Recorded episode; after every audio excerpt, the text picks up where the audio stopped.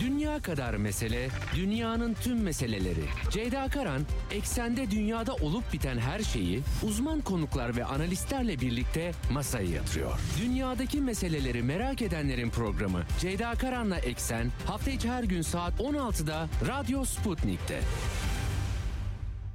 Eksenden merhabalar efendim. Bugün 15 Şubat 2023 günlerden çarşamba dünyadan haberlerle yine karşınızdayız.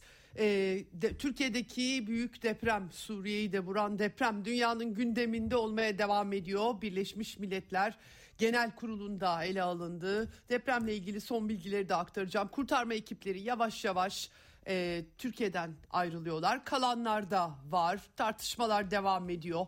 Notları aktarmaya çalışacağım bugün e, size. E, tabii e, bir haftayı aştı. Dünyaya geri döndük. Dünyada olup bitenleri anlatmaya pek çok gelişme var bu bağlamda da. E, NATO toplantısı Ramstein grubu diyelim Ukrayna temas grubu toplantısı Brüksel'de yapılıyor. Bugün ikinci günü devam ediyor. E, bir silah sıkıntısı olduğu gözleniyor. Savaş uçağı verme tartışmaları ötelenmiş durumda. Batı'nın mühimmat ve silah eksikliğini gidermek için seferber olması gibi bir durum söz konusu. Aktaracağım gelişmeleri ve verilen e, mesajları NATO Savunma Bakanları toplantısı vesilesiyle ve Avrupa'nın e, katkılarını Rusya'yı bir nükleer güç olarak illa yenmek üzere kurulu bir strateji devam ediyor. Açıklamalar var. Diğer yandan da Amerikan yönetiminin Türkiye'de biz depremle ilgilenirken başından balonlar, çim balonları ve UFO'lar geçmişti. Onunla ilgili gelişmeler, açıklamalar var. Çin'den tepkiler var tabii ki Asya ayağında. Bunları da aktarmaya çalışacağım sizlere. Bugün program konuğum Profesör Doktor Barış Dostlar olacak. Marmara Üniversitesi'nden küresel gelişmeleri soracağım. Ee, biz e, dediğim gibi depremle ilgilenirken pek çok şey yaşandı. Özellikle Ukrayna çatışmasının derinleşmesi 24 Şubat yaklaşıyor. Ee, aynı zamanda dün aktarmıştım Bloomberg'e yansıyan iddialar Brüksel'de aynı zamanda NATO'nun eş zamanlı olarak çoklu çatışmaya hazırlanma planları gündeme taşındığı iddialar var bu konuda. Neden böyle bir şeye gerek duyuluyor? Ne yapılmaya çalışılıyor. Tabii Türkiye'nin de deprem sonrası dış politikada nasıl bir çizgi tutturacağı birazdan aktaracağım. Deprem diplomasisi de devam ediyor. Bugün Ermenistan Dışişleri Bakanı Türkiye'de e, temaslarda bulundu. Bunları da aktaracağım. Hepsini konuşacağız. E, Prof, e, Profesör Barış Doster'in e, e, görüşlerini değerlendirmelerini alacağız programın ikinci yarısında. Başlamadan frekanslarımızı yine tekrar etmek istiyorum. İstanbul'dan 97.8, Ankara'dan 96.2, İzmir'den 91, Bursa'dan 101.4 ve Kocaeli'nden 90.2 karasal yayın frekanslarımız bunlar. Buradan rahatlıkla bizi dinleyebilirsiniz. Sputnik web sitesi üzerinden cep telefonu uygulamasıyla kulaklığı tıklamanız bizi dinlemeniz için yeterli. Aynı zamanda Telegram hesabından da bizi takip e, edebilirsiniz. Onun da linkini paylaşacağım. Oradan rahatlıkla e, takip edebilirsiniz. Diyelim başlayalım eksene. Dünya kadar mesele, dünyanın tüm meseleleri. Ceyda Karan, eksende dünyada olup biten her şeyi uzman konuklar ve analistlerle birlikte masaya yatırıyor. Dünyadaki meseleleri merak edenlerin programı Ceyda Karan'la Eksen hafta içi her gün saat 16'da Radyo Sputnik'te.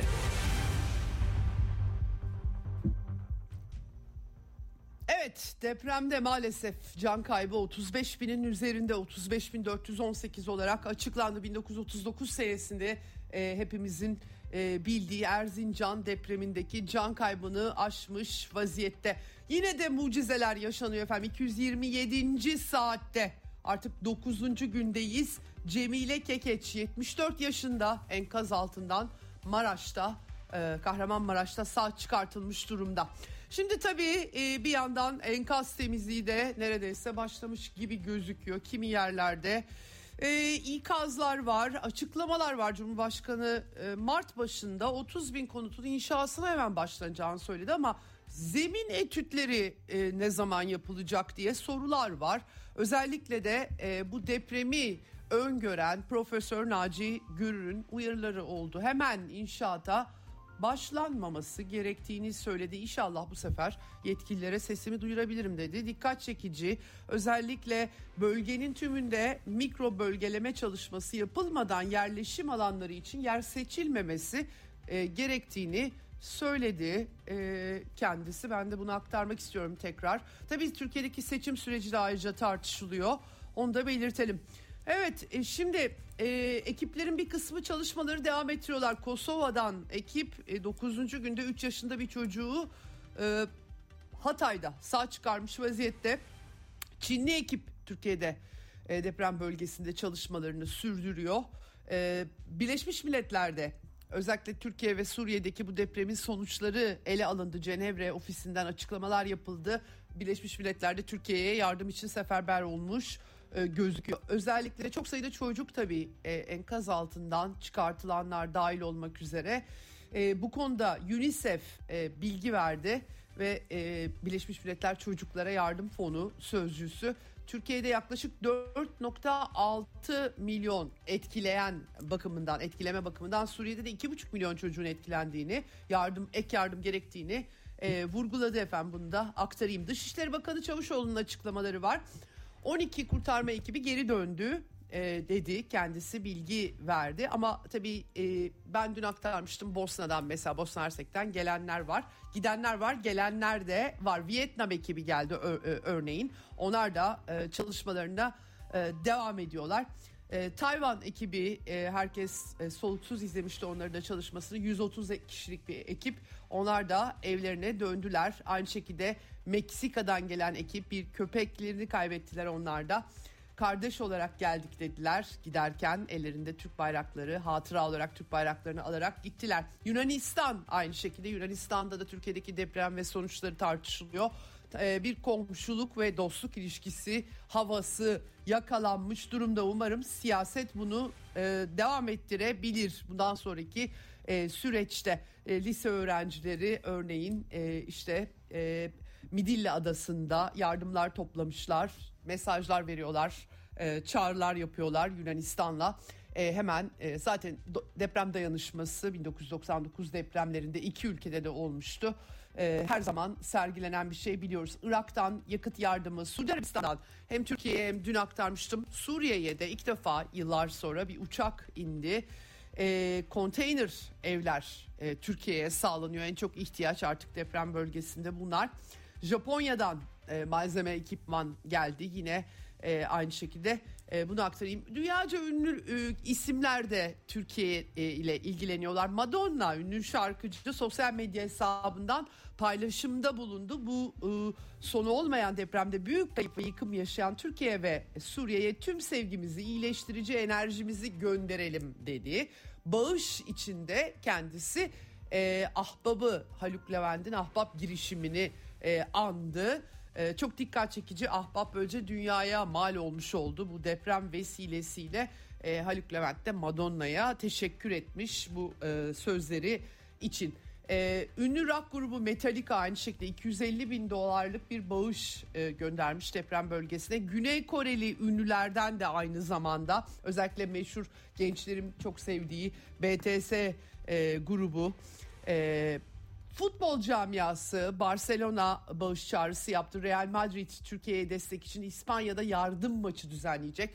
Küresel spor organizasyonları da deprem için seferber olmuş gözüküyorlar.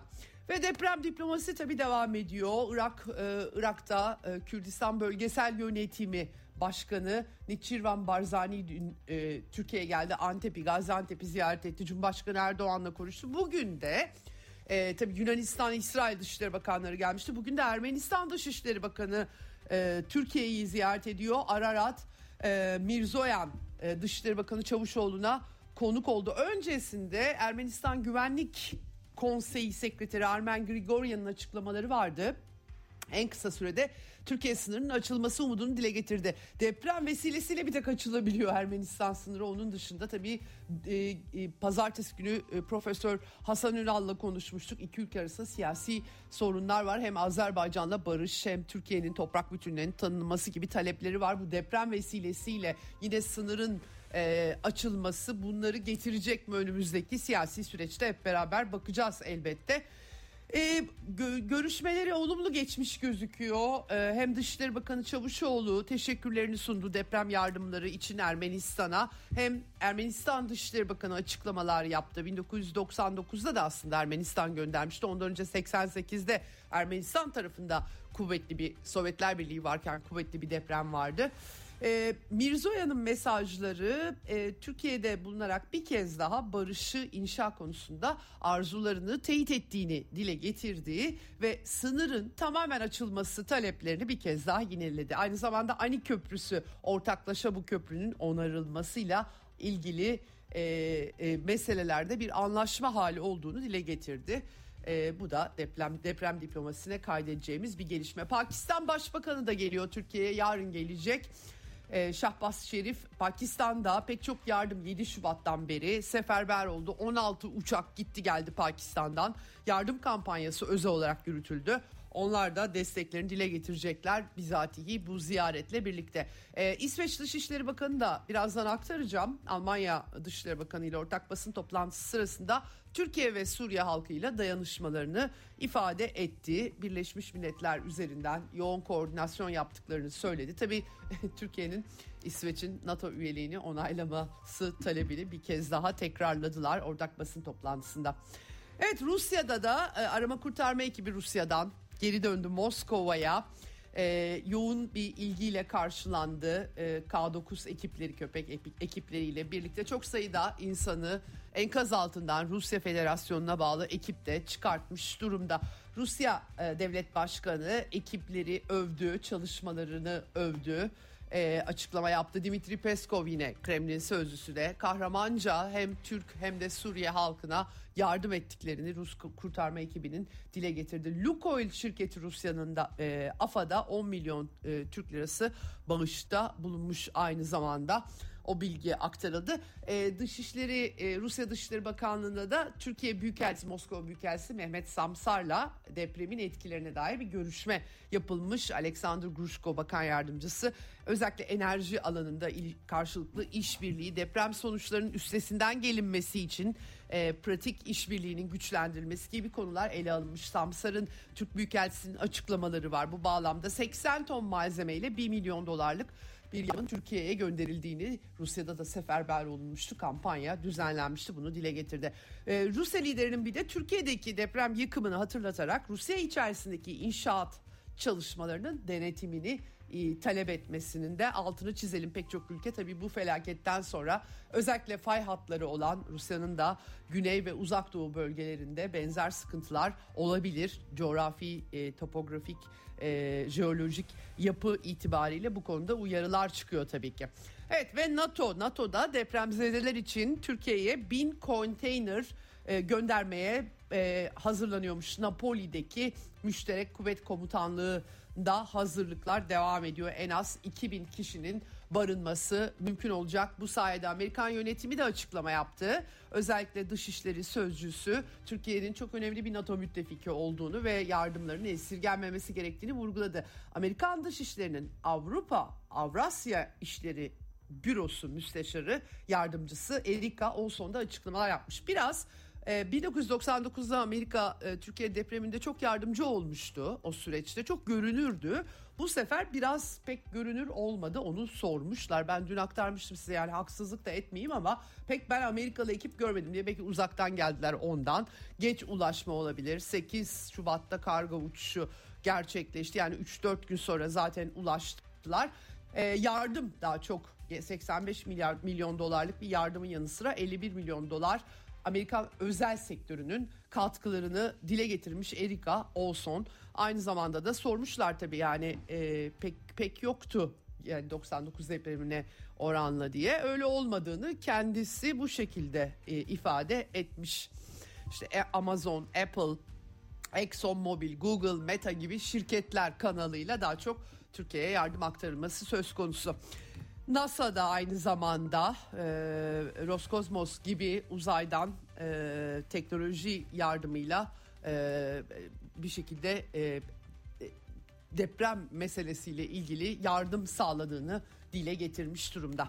Böyle gözüküyor e, Türkiye depreminin yankıları dünyada çıkartabildiğim notlar. Tabii E, gündem durmuyor efendim. Özellikle Ukrayna çatışması etrafındaki resim Batı bloğunun diyelim ortak tavır alma çabaları e, resim e, önümüzdeki günlerde e, işlerin çok daha iyi bir yere gitmeyeceği bir barış ve müzakere tabii Ukrayna çatışması dünyadaki tek çatışma alanı değil bunu belirtelim 8 senedir artık 9 diyebiliriz herhalde 2014'ten bu yana devam eden iç savaş ve Rusya Federasyonu'nun müdahalesi sonrası gelişmeler.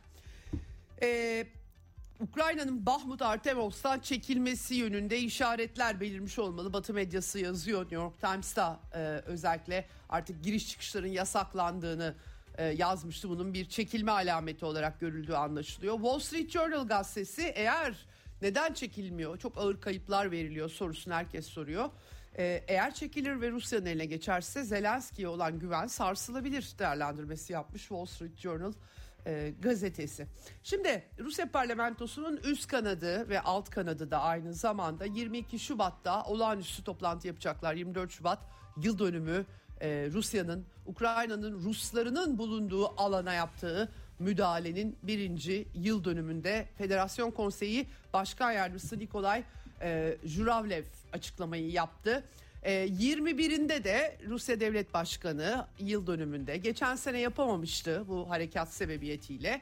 Ee, Rusya Parlamentosu Federal Meclisi'nin üyelerine bir kitap eta bulunacak. Hemen ertesi günü de e, toplanacaklar. Tabii bunun sebebini herkes e, soruyor.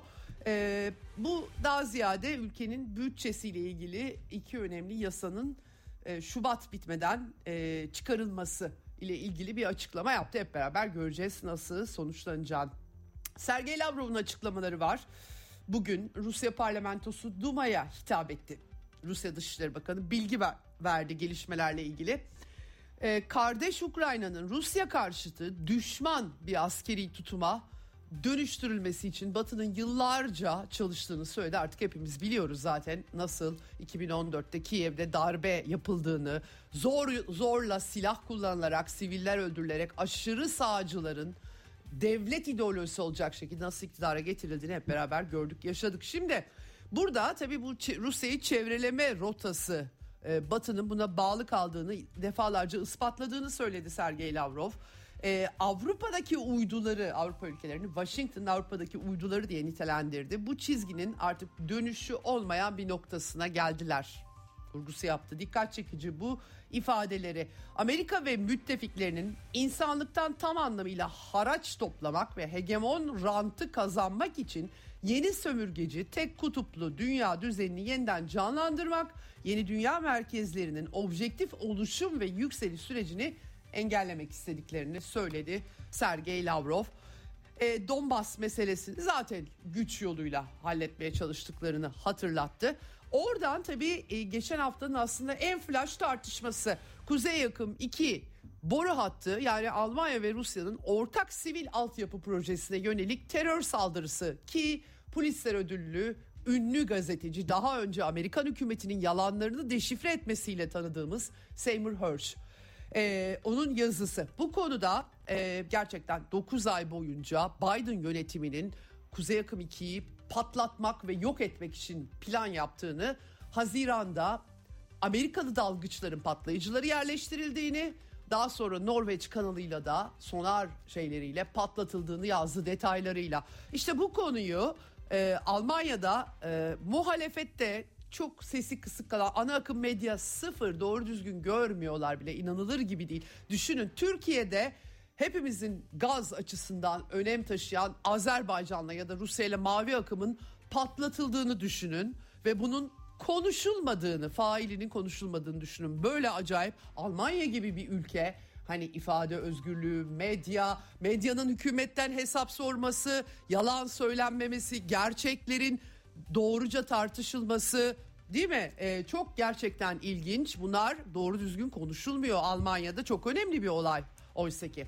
İşte bu konuda e, Sergey Lavrov konuyu Birleşmiş Milletler Güvenlik Konseyi'nin yani Seymour Hersh'ün işaret ettiği iddiaların hepsinin ki yani faili de hepimiz biliyoruz aslında ama e, Seymour Hersh bunun hikayesini anlatıyor çok çarpıcı detaylarla birlikte. Bunu özel oturumda BM Güvenlik Konseyi'nin gündemine e, taşıyacaklar.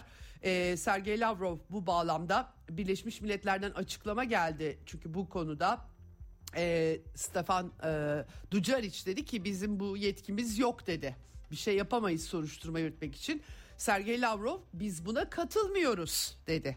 BM'nin terör saldırılarını soruşturma hakkı olmadığı iddiasına katılmadıklarını evet, bir komiteye görevlendirebilirler. Raporlama isteyebilirler bağımsız bir biçimde aslında. Ama BM tabii Amerika Amerika'nın e, kuruluşu haline geldiği için maalesef son yıllarda özellikle tam böyle kıyısında bir yerde duruyor yani. Çok enteresan bir tablo oluştu. Evet tabii işte Sergey Lavrov'un başka açıklamaları da var. Rusya'yı dışlamaya çalışıyorlar diye e, bir şekilde e, bu ne kadar karşılık bulmuş son son derece tartışmalı gözüküyor. E, aynı zamanda Seymour Hersh de Alman gazeteci Fabian e, Schiedler'a e, Berliner Zeitung'a konuşmuş. Ben Almanya'daki yarın da bu konuyu işleyeceğim. E, gazeteci arkadaşlarıma sordum. Pek az yayında bu konuya yer verildiğini e, dile getiriyorlar. Birazdan Almanya meselesini de e, size e, ak, e, aktaracağım. Şimdi e, bir de Rusya'nın e, hemen öncesinde not olarak söyleyeyim. E, Rus ordusunun Çernobil nükleer e, güç santralinden radyoaktif malzeme çalmakla suçlayan bir sahte operasyon Ukrayna hazırlıyor açıklaması var. Savunma Bakanlığı'nın insani müdahale bölümü duyurdu. E, mağdurlar hakkında sahte hastalık geçmişi düzenleyecekler ve dünyaya yayacaklar diye. Maalesef son bir yılda benzerleri de Buça başta olmak üzere yaşadık. Buça Rusya katliamı olarak sunuldu. Ukrayna'da zaten yaşayan Rusların Rus oldukları bile anılmıyor muhalifler dışında. Ee, çok acayip şey diye düşünün. Kuzey Kıbrıs Türkiye Cumhuriyeti'nde Türklerin anılmadan Kıbrıslı diye sunulduğunu düşünün. Böyle bir resim çıkartıyor Batılılar. Ee, özellik, özellik, dil hakları falan gibi şeyler söyleyen Batılılar Ukrayna'ya geldiği zaman böyle acayip bir resim ortaya koyuyorlar.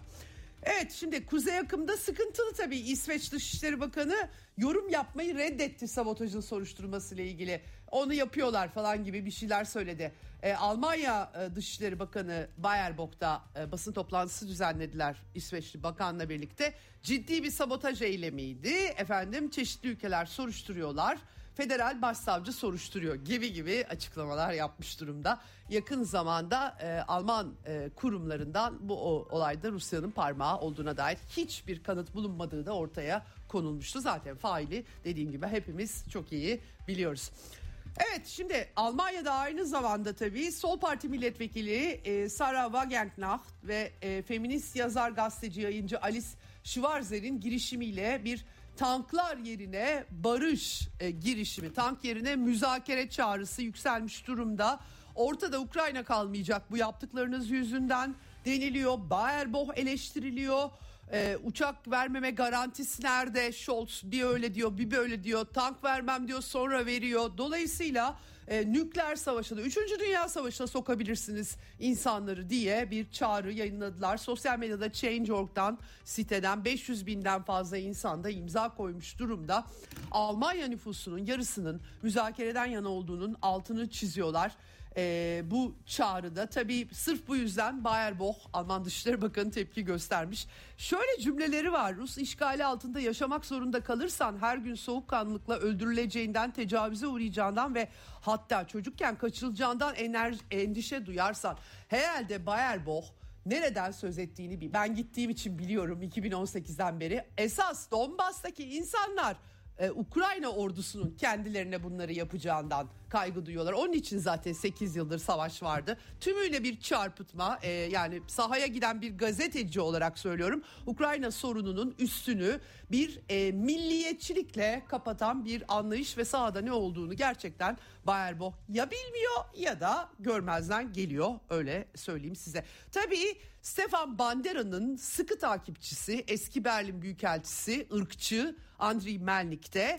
e, bu kampanyaya çok sinirlenmiş Wagenknecht ve e, Schwarzer için Ukrayna'ya ihanet eden Putin'in uşakları ifadesini kullanmış. Kendisi Nazi işbirlikçisi Stepan Bandera'nın mezarına sürekli çiçekler koyuyordu.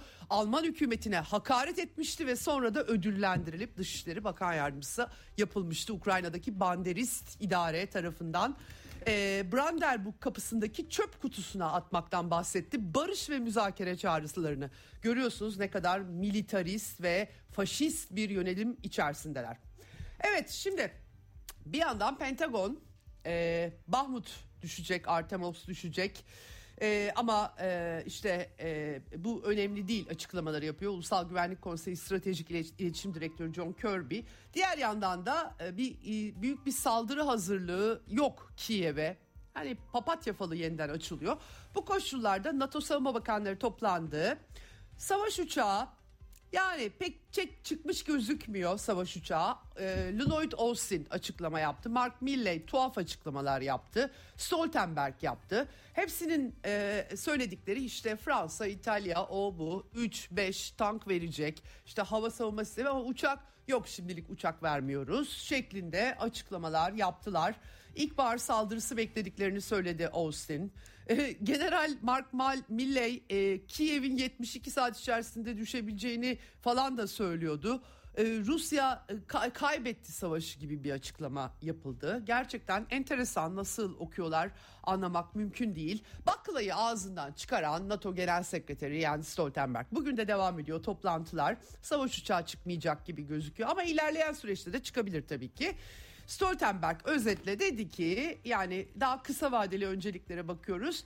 Ukrayna çok fazla mühimmat tüketiyor bizim stoklarda kalmadı dedi özetle. Ee, savunma sanayimiz baskı altında stokların yenilenmesi için şirketlerle çalışmalar sürüyor.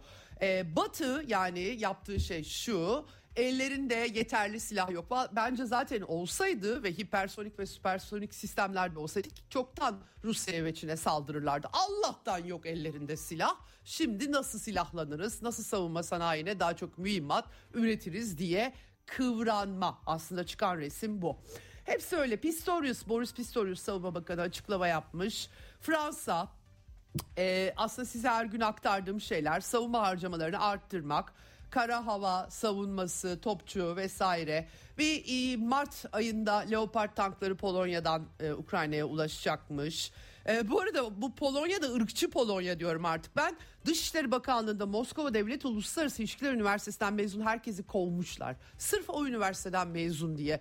Bunu da dekomünizasyon e, olarak sunuyorlar. E, komünizmden sıyrılma. Bunlar bir hayal ortamında yaşıyorlar. Korkunç bir Amerikan yönetimi İkinci Dünya Savaşı'ndan beri Doğu Avrupa'da müthiş bir ırkçılık ve e, faşizm canlandırmış durumda. Bu kadar beklemiyordum ben açıkçası. Yıllardır izliyorum ama e, bu dehşet engiz gerçekten. Bir insanı mezun olduğu üniversite yüzünden işten kovuyorlar özetle. Böyle acayip bir e, durum. Velhasıl geçelim. E, Hollanda, Danimarka tank vermeyeceklermiş. Leopard 2 tankları işte bir için e, yedek parça vesaire. Yunanistan o da e, karşılığında e, bir takım Marder Alman Marder piyade araçlarını alacağı için e, elindeki BMP e, bir e, araçlarını verecekmiş. Böyle bir acayip bir resim çıktı. Batı medyası savaş uçağı tedarik edilebilir diye yazıyor ama buna pilot lazım. Nereden çıkacak? E, Amerikan F-16'ların çok zorda kalırsa uçakta verebilirler. Öyle gözüküyor zaten. Ukrayna'da ilerleme istiyorlar diye yazmış yine aynı şekilde Financial Times gazetesi. E, ama bir yandan da mühimmat kıtlığı var efendim. Hakikaten var. Bunu açıkça dile getiriyorlar. Eski Genel Sekreter Yardımcısı NATO'nun Jamie Shee de dile getirmiş. E, silah üreticilerinin e, önemli ölçüde üretimi arttırmaya davet ediyorlar diyor. E, Vovan ve Lexus ünlü şakacılar ise ABD Savunma Bakanı Mark Esper'ı Trump döneminin bir, ara, bir ara savunma bakanıydı. e, kandırmışlar Poroshenko gibi yapmışlar. O da demiş ki Ukraynalılar Amerika'nın pis işlerini yapıyorlar demiş. Ya kendileri de söylüyorlar. Bu yüzden Amerika'nın pis işlerini yaptıkları için her türlü mühimmata, her türlü silahı vermeliyiz demiş. Çok şahane hakikaten böyle. Joseph Borrell efendim o da Avrupa Birliği ülkelerinin depolarında bulunan bütün tankları vermeye çağırmış. Bulamıyorlar yani çok acayip. Ee, ben de barış istiyorum aslında falan gibi cümleler kuruyor kendisi. E, Valla Ukrayna'nın Rusları Boral'ı pek istemiyor. Ben onu biliyorum en azından. Gittiğim, gördüğüm, insanlarına dokunduğum için gayet iyi biliyorum. Evet e, şimdi e, bir yandan da yaptırımlarını denetlemek için yaptırım çıkartacak Avrupalılar 10. paket. Bu da çok enteresanmış. Ee, ve son olarak e, şimdi konuğuma e, bu arada Barış Doster'le Profesör Barış Doster'le kendisi bir toplantısı nedeniyle çok kısa bir süre önce konuştuk. Kayıt yaptık onu birazdan aktaracağım. Son notlarım balon ve UFA'lardan Amerikalılar e, son 10 gün içerisinde e, Çin'e ait bir yüksek irtifa balonu, meteoroloji balonu bir de e, 4 Şubat'tan itibaren 3 e, tane e, 4 tane pardon e, UFO dediler. Gerçi enkazı bulamamışlar. Hatta bir tanesini de ıskalamışlar. Bunu e, Brüksel'de basın toplantısında Genelkurmay Başkanı Mark Milley itiraf etti sorular üzerine. E, enkazı bulamıyorlar. Nerede bu UFO'lar diye herkes soruyor. Bir acayip bir olay. Tabii Çin'le çatışma peşinde değiliz diyorlar ama balon gerilimi hakikaten e, Amerika-Çin ilişkilerini e, epey etkilemiş vaziyette. Şimdi İran e, Cumhurbaşkanı reisi ziyaret ediyor e, Xi Jinping açıklama yapmış ve demiş ki uluslararası ve bölgesel durum nasıl değişirse değişirsin Çin İran ile dostluğunu ve işbirliğini istikrarlı bir şekilde sürdürecek ve kapsamlı stratejik ortaklığını ilerletecek demiş. Çin e, Başkanı İran Cumhurbaşkanı'na Amerikalılar biraz daha böyle Çin Rusya'ya da yardım ediyor, İran'a da yardım ediyor falan e, modundalar şimdi. Bir yandan da balonları yüzünden sinirli meteoroloji balonu yüzünden Amerikan tarafından gönderilen casus balonlarının da Tibet ve Sincan üzerinde uçup durduğunu söylüyor Çinliler Böyle de bir balon krizi var. Ee, evet Amerika e, Ohio'daki kimyasal felaketle de yavaştan Amerikan yönetimi günler sonra ilgilenmeye başladı. Kimyasal taş, e, madde taşıyan 150 vagonluk tren 50 vagonu raydan çıkmıştı. Büyük patlama olmuştu. Balık ölümleri, su, hava e, gerçekten çok büyük çevre felaketi gibi gözüküyor ama yeterince ilgi gösterebildikleri çok da söylenemez. Evet. E, bugünlük bu kadar eksenden. E, dünya gündemi olarak şimdi e, Profesör Barış Doster'le yaptığımız söyleşiyi sunuyoruz. Dünya kadar mesele, dünyanın tüm meseleleri. Ceyda Karan, eksende dünyada olup biten her şeyi uzman konuklar ve analistlerle birlikte masaya yatırıyor. Dünyadaki meseleleri merak edenlerin programı Ceyda Karan'la Eksen hafta içi her gün saat 16'da Radyo Sputnik'te. Evet Eksen'in ikinci yarısındayız. Telefon hattımızın diğer ucunda Profesör Barış Doster var. Hoş geldiniz yayınımıza. Hoş bulduk. Çok teşekkürler. İyi yayınlar. Çok teşekkür ediyorum. Ee, hepimize geçmiş olsun, başımız sağ olsun hepimize, diyerek yine başlıyorum. Çok zorlu günlerden geçiyor. Ee, Türkiye bu deprem felaketiyle birlikte.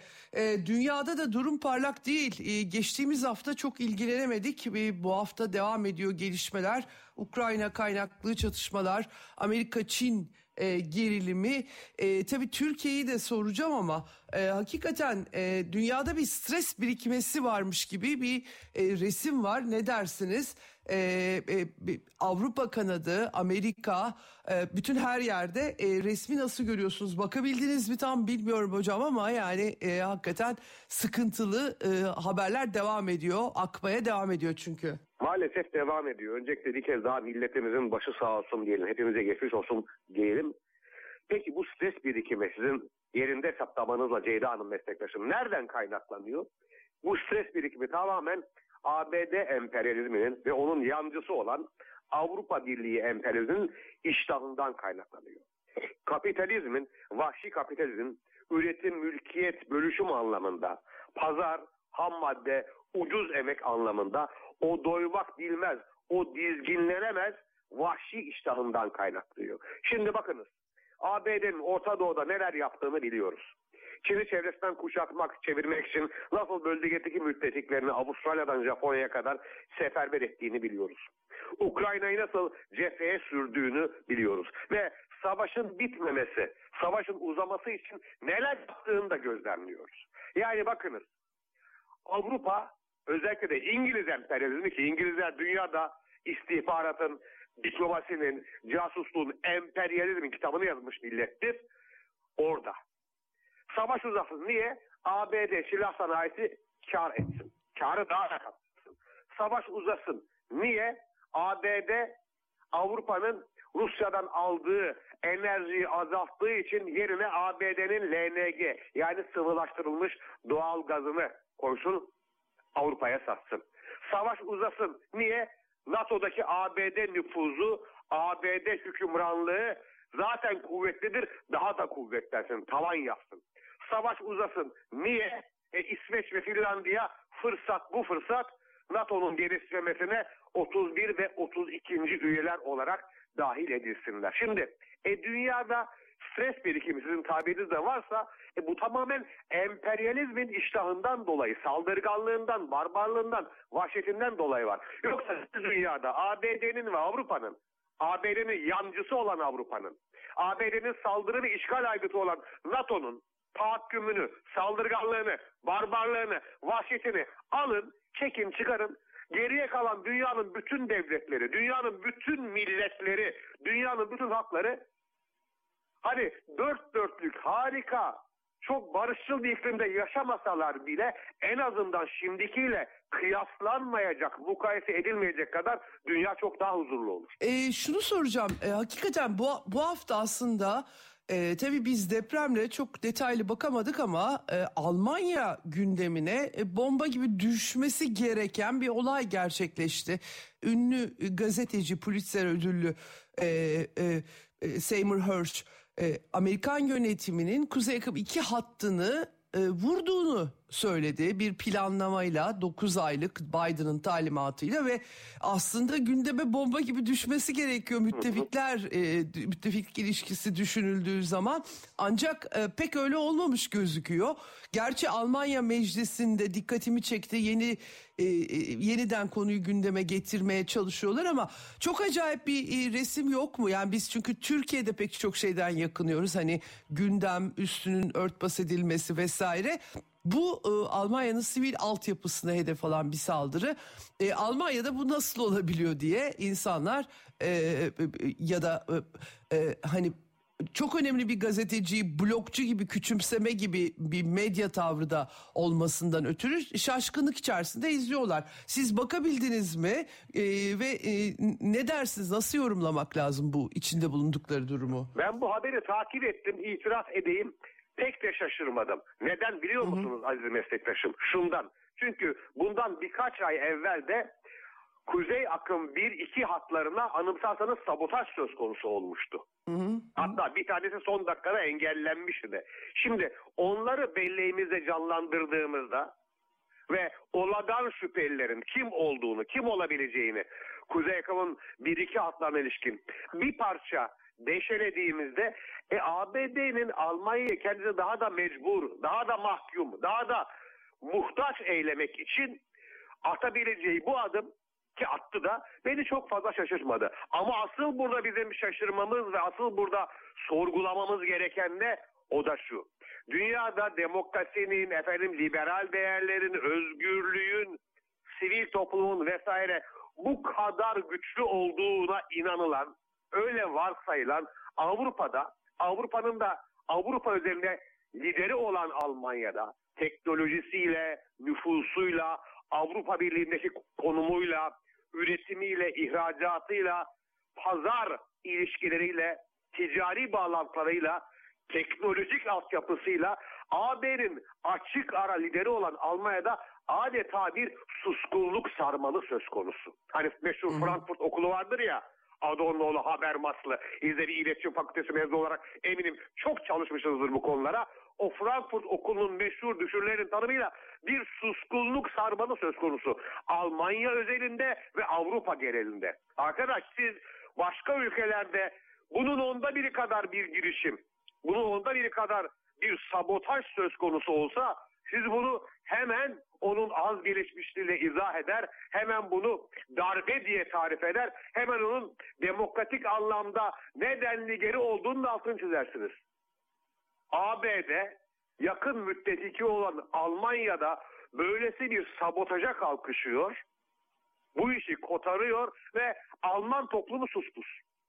Hristiyan demokratlar, sosyal demokratlar, sol partiler, yeşiller, çevreciler, suspus, bir suskunluk sarmal söz konusu. Bu işte bu liberal demokrasinin, bu kapitalist demokrasinin, bu özelleştirmeyi sınırsız, dizginsiz, serbest piyasa düzenini demokrasinin ta kendisi sanan zevzekliğin ve ahmaklığın Avrupa'da da ne kadar güçlü olduğunun kanıtı. Peki e, bir de tabii NATO'nun özellikle e, geçen hafta e, Genel Sekreter Stoltenberg Amerika'yı da ziyaret etti. Sürekli Çin'le ilgili e, söylemleri öne çıktı. Yani e, e şimdi e, Bloomberg'un iddiasına göre hatta ittifak işte görev sorumluluk alanı dışındaki bölgelerde eş zamandı. Yani birden fazla çatışmaya e, girmenin planlamasına soyunacak. İddiaya göre bu şekilde. Gerçi davranışlar, açıklamalar da buna işaret ediyor ama e, bu e, bir de denkleme Çin'i ilave etme gibi bir durum var sanki. Bir yandan Amerika'da balonlar, e, e, Çin balonu vurulması üzerinden bir kıyamet e, koptu. Meteoroloji balonu denilmesine e, rağmen e, e Anthony Blinken'ın ziyareti, Pekin ziyareti iptal edildi. Ardından bir de UFO'lar çıktı karşımıza. Gerçekten enteresan bir biçimde uzaylılara kadar vardı iş. E, bu, bu yani e, baktığınızda ne görüyorsunuz bu görüntüden? E, hakikaten e, biraz inanılmaz gibi geliyor ama e, rasyonel e, akılla düşündüğümüzde e, bir de Çin'i denkleme katacak bir başka savaş e, çatışma hali e, buraya taşıma arzuları mı var? E, bir yandan da çünkü dizginlemeye çalışıyor gözüküyorlar. Silahları yok yeter, yeterince. E, yani hem Amerika hem Avrupa e, bağlamında NATO üzerinden tabii ki e, soruyorum. Bir kere NATO öyle bizde kimi bilim insanlarının maalesef kimi eski yüksek komuta heyetinden askerlerinin kimi diplomatların iddia ettiği gibi savunma ve güvenlik örgütü değildir. NATO ABD emperyalizminin saldırı işgal aygıtıdır. Bu bir. İkincisi NATO Efendim işte Sovyetler Birliği dönemi, Soğuk Savaş dönemi, Varşova dönemi falan falan bunlar geçiniz efendim. Bunlar hiçbirisi kalmadı. NATO asıl NATO üyelerini, NATO'nun Avrupalı müttefiklerini ABD'nin hizasında tutmak için, ABD hizasında konumlandırılmak için icat edilmiş ve ekonomi politik yönü, ideolojik boyutu askeri boyutundan daha baskın olan bir örgüttür ve soğuk savaş bittiği halde NATO niçin varlığını korumaktadır? İşte bu işlevlerinden dolayı varlığını korumaktadır. Şimdi NATO'yu ABD zaten Atlantik'in iki yakasının ABD ve Avrupa arasındaki temel bağ olarak görüyor. Temel bağ olarak gördüğü için de o Stoltenberg falan gibi böyle zavallıların böyle ABD başkanının çantasını taşıyan orada çaycılık, çorbacılık bile yapamayacak olan zavallıların biz açıklamalarına bakmamak durumundayız. Biz NATO'nun son bildirgelerine baktığımızda NATO'nun AB ile beraber imza attığı beyannamelere, deklarasyonlara baktığımızda zaten Çin'in iktisadi yönü baskın olan asıl büyük tehdit ve Rusya'nın askeri yönü baskın olan yakın tehdit olarak tanımlandığını aynen ABD savunma ve strateji belgelerinde olduğu gibi NATO belgelerine de bu ifadelerin bu şekilde geçtiğini görüyoruz. O bağlamda NATO'nun bu çıkışları hem Avrupa üzerindeki mevcut ABD tahakkümünü, nüfuzunu daha da arttırmak, daha da pekiştirmek amacına yöneliktir. Bir. İkincisi ABD'nin tehdit tanımının NATO'ya nasıl enjekte edildiğini, ABD'nin tehdit tanım ve ABD'nin tehdit algısının NATO içinde nasıl bağlayıcı kılındığını göstermektedir. Üç, zaten son yıllardaki bütün gidişatın da ortaya koyduğu üzere NATO, ABD'nin saldırı ve işgal aygıtı olan NATO, Rusya'yı ve Çin'i hedefe koymuştur. Çünkü gerek ABD, gerekse ABD emperyalizminin yancısı olan Avrupa Birliği emperyalizmi ABD'nin hem önemli düşünürlerin, strateji jeopolitik uzmanlarının savuna geldiği gibi, efendim buna Kissinger da dahil, buna geçtiğimiz yıllarda ölen Brzezinski de dahil, Çin'e karşı bir daha geniş Avrupa'yı öremediler. Yani planları neydi? Canım ABD orta ve uzun vadede Çin'le başa çıkabilmek için yanına Avrupa Birliği'ni aldı. Yetmez yanına Türkiye'yi, Japonya'yı, Hindistan'ı ve hatta Rusya'yı da almalıdır diye düşünüyorlardı. Bu plan çöktü. Bu olmadı. Değil Rusya'yı yanlarına almak, Rusya'nın Çin'le ilişkileri stratejik ittifak düzeyine kadar yükseldi. O yüzden baktı ki bu daha geniş Avrupa fikri, daha geniş Avrupa projesi tutmuyor ABD'nin. E o zaman elde avuçta ne kaldı? AB ve AB'nin iri kıyım ülkeleri kaldı. Elbette AB'den geçtiğimiz yıllarda BRICS'ta ayrılan İngiltere dahil olmak üzere. O bağlamda Atlantik iki tarafıyla beraber hem Avrupa hem ABD tarafıyla beraber NATO NATO ittifakı kapsamında daha da birbirine mevcut halden daha da sıkı sıkıya bağlanacaktır ve Avrupa artık nefes alamaz hale gelecektir ABD tahakkümünden dolayı. Peki e, Türkiye'ye gelelim. Tabii e, dikkatler seçimlerde Türkiye'de ama e, tam e, seçim sürecine girmişken böylesine büyük bir felakette yaşanmış gözüküyor. E, Türkiye'nin jeopolitiği önemli tabii her ne kadar e, Türkiye'de e, istedikleri iktidar e, tam olarak yok gibi gözüküyor. E, açıklamalardan ilişkilerin e, gerginliği deprem öncesini kastediyorum. Tabi depremden sonra e, bir yumuşama e, söz konusu oldu. E, ama e, öyle acayip bir tablo ki yani işte e, deprem yardımları akarken Amerika'nın uçak gemisi e, talep olursa e, e, uçak gemisi göndermesinden söz edildi. Bir, bir tuhaf bir şey tabii ki Amerika'nın biz Türkiye'yi işgal edeceğini e, çok da e, akla e, e, uygun bir e, senaryo değil ama bu tabii ki kamuoyundaki hassasiyet bu tarz yorumları da beraberinde kimi e, odaklarda getirdi. E, bir, bir tuhaf bir görünüm var. Türkiye'nin önemi artıyor mu bu denklemde, bu resimde e, ya da zorlanan e, bu resimde? E, e, nasıl bakmak lazım? Türkiye ne yapmalı bu e, bu çerçevede? Nasıl bir duruş sergilemeli? Bir kere Türkiye coğrafyasından dolayı her zaman önemlidir. Jeopolitik konumundan dolayı, stratejik ağırlığından dolayı her zaman önemlidir. Orta Doğu'daki tarihsel nüfuzundan dolayı, Cumhuriyet devriminin kazanımlarından dolayı bir Müslüman ülke olarak aldığı kat ettiği mesafeden dolayı her zaman önemlidir. Savaş deneyimli güçlü ordusundan dolayı her zaman önemlidir. O yüzden efendim deprem döneminde önemi artar, soğuk savaş bitti, önemi azalır şeklindeki ben maalesef akademide ve medyada çok baskın olan bu tezlere katılmam. Türkiye az evvel sıraladığım niteliklerinden dolayı her zaman önemlidir. Bu önemin azalması veya artması söz konusu olmaz. Ha şimdi gelelim mevcut iktidar blokunun bizim yazılarınızda kullandığınız tabirle iktidar blokunun açmazına. Birisi bir iktisadi açmaz var. O Türkiye'nin kırılgan ekonomisinden ve yüksek dış borcundan 450 milyar doları aşmış olan borcundan kaynaklanıyor. İkincisi bir diplomatik dış politika açmazı var. O da şu iktidar bloku yakın zamana kadar ABD ile arası açıldığında Rusya'ya yüzünü dönerek, Rusya ile gerilim yaşadığında tekrar sırtını ABD'ye yaslayarak, arada Avrupa Birliği ile bir dargın bir barışık kalarak işleri idare edebiliyordu. Ama artık bu manevra sahası daraldı. Bu ikinci bir açmaz. Üçüncü bir açmaz nesnel, olgusal bir durum. Dünyanın gidişatıyla alakalı. Yani uzunca bir zamandır dünyada iktisadi anlamda üretim, ticaret, teknoloji, sanayi hepimiz gözlemliyoruz ki batıdan doğuya kayıyor. Atlantik'ten Pasifik ve Avrasya'ya kayıyor ve bu bağlamda doğuda önemli ölçekte hem ABD hegemonyasına meydan okuyan hem yakın ilişkileriyle öne çıkan hem de alternatif gelişme kalkınma modelleri sunan devletler var. En başta Çin geliyor. Efendim önemli bir kuvvet olarak çok önemli bir stratejik ağırlığı olan bir güç merkezi olarak Rusya var. Keza atlanmaması gereken gelişmekte olan bir diğer kuvvet kim?